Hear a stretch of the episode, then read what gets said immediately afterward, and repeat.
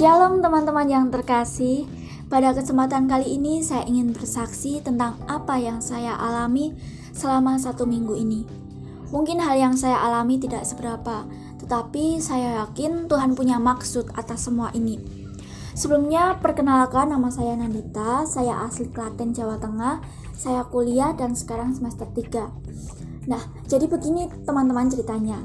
Di tahun ini saya mengikuti panitia pilkada tingkat desa saya daftar panitia ya karena diperintahkan oleh orang tua saya.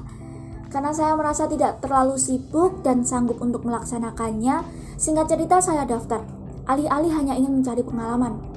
Pada saat itu sebenarnya agak ragu sih, karena untuk panitia pilkada tahun ini syaratnya sangat ketat, yaitu terkait usia dan pendidikan. Secara usia seharusnya saya tidak lolos karena minimal berusia 20 tahun dan usia saya 19 tahun. Tapi entah kenapa saya bisa lolos. Dan singkat cerita, pada hari Senin 16 November 2020 pukul 8 waktu Indonesia Barat, saya harus rapid di sebuah balai desa. Rapid ini merupakan salah satu syarat untuk mengikuti panitia pilkada tersebut. Dan pada hari itu juga saya ada janjian bertemu dengan teman dan dosen saya di Solo. Pukul 12 siang saya berangkat ke Solo. Entah kenapa saat di perjalanan saya berdoa, saya merasa sudah lama sekali tidak berdoa untuk keluarga saya dan keluarga-keluarga yang lain. Saya berdoa agar belas kasihan untuk menangisi keluarga, kota, bangsa, dan bangsa-bangsa dikembalikan dalam hidup saya. Saya minta kepada Tuhan untuk diajari bagaimana punya belas kasihan yang lebih besar lagi seperti belas kasihan yang Tuhan punya. Tuhan lawat saya di atas sepeda motor selama satu jam dari perjalanan Klaten ke Solo tersebut. Singkat cerita, saya sampai di depan kantor dosen saya. Saya buka HP dan lihat orang tua saya dan salah satu pejabat desa. Telepon saya berulang kali dan spam chat ke saya. Mereka memberi kabar jika hasil rapid tes saya reaktif dan harus segera pulang, harus isolasi mandiri, dan selasa pagi harus swab. Pada saat itu saya bingung dan sebenarnya kesal. Saya merasa, uh, saya merasa bahwa perjalanan satu jam yang saya tempuh seperti sia-sia begitu saja. Saya telepon teman saya agar segera sampai di kantor dosen dengan cepat. Dan sesampainya dia di tempat itu saya beri uh, pengarahan ya seperti pesan gitu ya apa saja yang harus ditanyakan kepada dosen dan sebagainya kami berseberangan jalan dan tetapi berkomunikasi melalui telepon. Terkesan aneh dan saya hanya heran sambil ketawa-ketawa. Setelah itu, setelah saya bercakap-cakap dengan teman saya, saya kabari teman saya yang lain. Saya batalkan agenda kerja kelompok saya. Saya pulang dan perasaan yang agak aneh, ketawa geli gimana gitu rasanya kayak berpikir kok bisa reaktif ya, padahal tidak ada gejala apa pun. Sampainya saya di rumah langsung mandi, ganti baju, dan saya hubungi kembali beberapa orang yang punya agenda dengan saya selama satu minggu itu. Beberapa dari mereka kaget dan beberapa biasa saja, dan tentunya mereka support dalam doa. Awalnya saya tidak mau memberitahu siapa pun, tetapi karena satu hal yang mendesak, saya harus beritahu beberapa orang lagi dan akhirnya banyak yang tahu entah dari keluarga besar ataupun teman-teman lainnya. Selama satu minggu itu banyak respon yang saya dapatkan dari orang-orang di sekitar saya. Saya berpikir satu hal, seharusnya orang-orang di sekitar saya itu menenangkan saya agar tidak stres atau panik atau apalah namun yang terjadi adalah saya harus menenangkan mereka. Saya bilang saya sehat, tidak ada gejala dan saya yakin saya negatif. Tapi ya, tetapi lagi, ketika saya mendengarkan beberapa respon dan saya memaknainya bahwa beberapa dari mereka itu ketakutan jika saya uh, positif. Bahkan ada yang meyakini jika reaktif sudah tentu positif. Benar-benar saat itu saya merasa agak kesal dengan respon itu.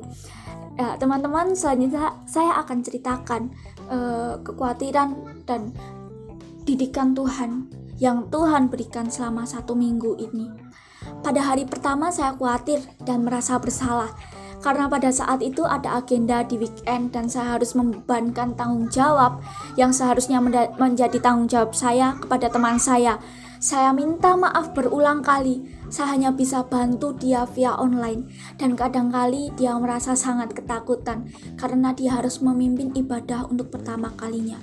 Dan sampai satu titik dia memberikan respon yang begitu baik dan menguatkan saya. Dia merasa Tuhan sedang ajari pribadinya untuk punya tanggung jawab yang lebih besar lagi. Saat itu benar-benar diingatkan, saya ini bukan siapa-siapa. Orang lain tidak boleh bergantung dengan saya dan hanya boleh bergantung kepada Tuhan saja. Puji Tuhan acara berjalan dengan lancar sekalipun masih ada beberapa hal yang kurang. Tetapi saya benar-benar bersyukur ketika melihat teman-teman saya yang lainnya boleh berproses dan akhirnya muncul satu kesaksian. Kesaksian ini uh, dari teman saya yang lainnya. Seharusnya dia memimpin ibadah dengan saya dan ketika keadaan seperti ini mau tidak mau dia harus WL sendirian. Saya yakin pasti ada kekhawatiran dalam hatinya. Saya hanya bisa memberi support dan doa. Kamu bisa, ayo kamu bisa. Dan singkat cerita, saat hari H dia bersaksi bahwa dia hampir kecelakaan dan saat itu dia benar-benar bersyukur dan merasakan sendiri uh, kedahsyatan sebuah doa. Dia mengatakan kejadian ini tidak masuk akal. Seharusnya aku tadi udah jatuh motorku muter-muter kayak gangsingan. Tapi karena aku tadi berdoa, Tuhan sertai aku dan aku tidak terluka sedikit pun. Wow, Hal ini membuka mata saya lebih lebar lagi bahwa Tuhan bisa pakai keadaan apa pun untuk menyatakan kebesarannya. Setelah itu eh, cerita pada hari ketiga dan keempat, saya merasa sedikit tidak tenang karena saya ini orangnya kurang sabar teman-teman. Bertanya-tanya kapan hasil keluar dan sebagainya. Ketidaksabaran saya didukung oleh orang-orang di sekitar yang bertanya hasilnya gimana, kapan hasilnya keluar saya sendiri tidak tahu jangan tanya sama saya dalam hati saya seperti itu dan karena ketidaksabaran dan uh, ada sedikit keresahan saya pada Jumat malam saya mendesak orang tua saya untuk bertanya kepada PPS desa dan PPS berkata hasil belum keluar Jumat malam saya langsung hubungi teman gereja saya. Saya pamitan untuk tidak hadir rapat pemuda pada hari Sabtu karena habis rapid dan reaktif. Dia bingung harus gimana karena seharusnya saya yang memimpin rapat. Saya bilang nanti saya via telepon saja. Dan pada Sabtu pagi ada beberapa orang uh, orang lagi yang menanyakan hasilnya gimana. Saya jawab belum belum keluar. Dan beberapa jam setelah itu saya mendapat pesan kalau hasil swab seluruh panitia di kecamatan saya negatif. Ye, akhirnya ya.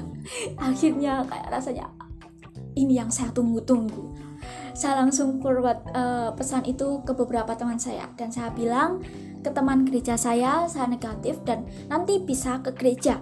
Rasanya senang karena tahun ini bisa Natalan. Selama satu minggu ini saya diajari Tuhan. Jangan sombong. Orang lain tidak boleh bergantung sama kamu. Semua orang hanya boleh bergantung kepadaku dan satu hal lagi teman-teman, saat diajari untuk tetap percaya, di saat banyak orang tidak percaya, saya meyakinkan mereka dan mereka tetap tidak percaya. Tetapi saya harus tetap percaya. Saya berdoa, saya tidak mau kehilangan hati Tuhan atas hidup saya. Saya tidak mau kehilangan belas kasihan Tuhan atas hidup saya.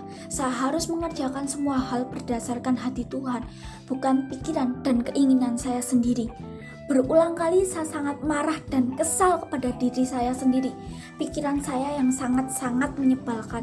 Saya sombong, saya merasa melakukan banyak hal dan kalau boleh dan bisa saya ingin mencopot otak saya saja karena pikirannya itu udah aneh-aneh gitu saudara-saudara dan ditutup dengan ibadah hari ini Minggu 22 November 2020. Pesannya adalah kembali kepada hati Tuhan. Setiap rantai kesombongan, iri hati, angkuh dan semua rantai yang mengikat hidup kita dilepaskan. Di dalam Yesus kita adalah kemenangan dan kemenangan adalah kita. Terima kasih Tuhan Yesus memberkati. Yesus Tuhan.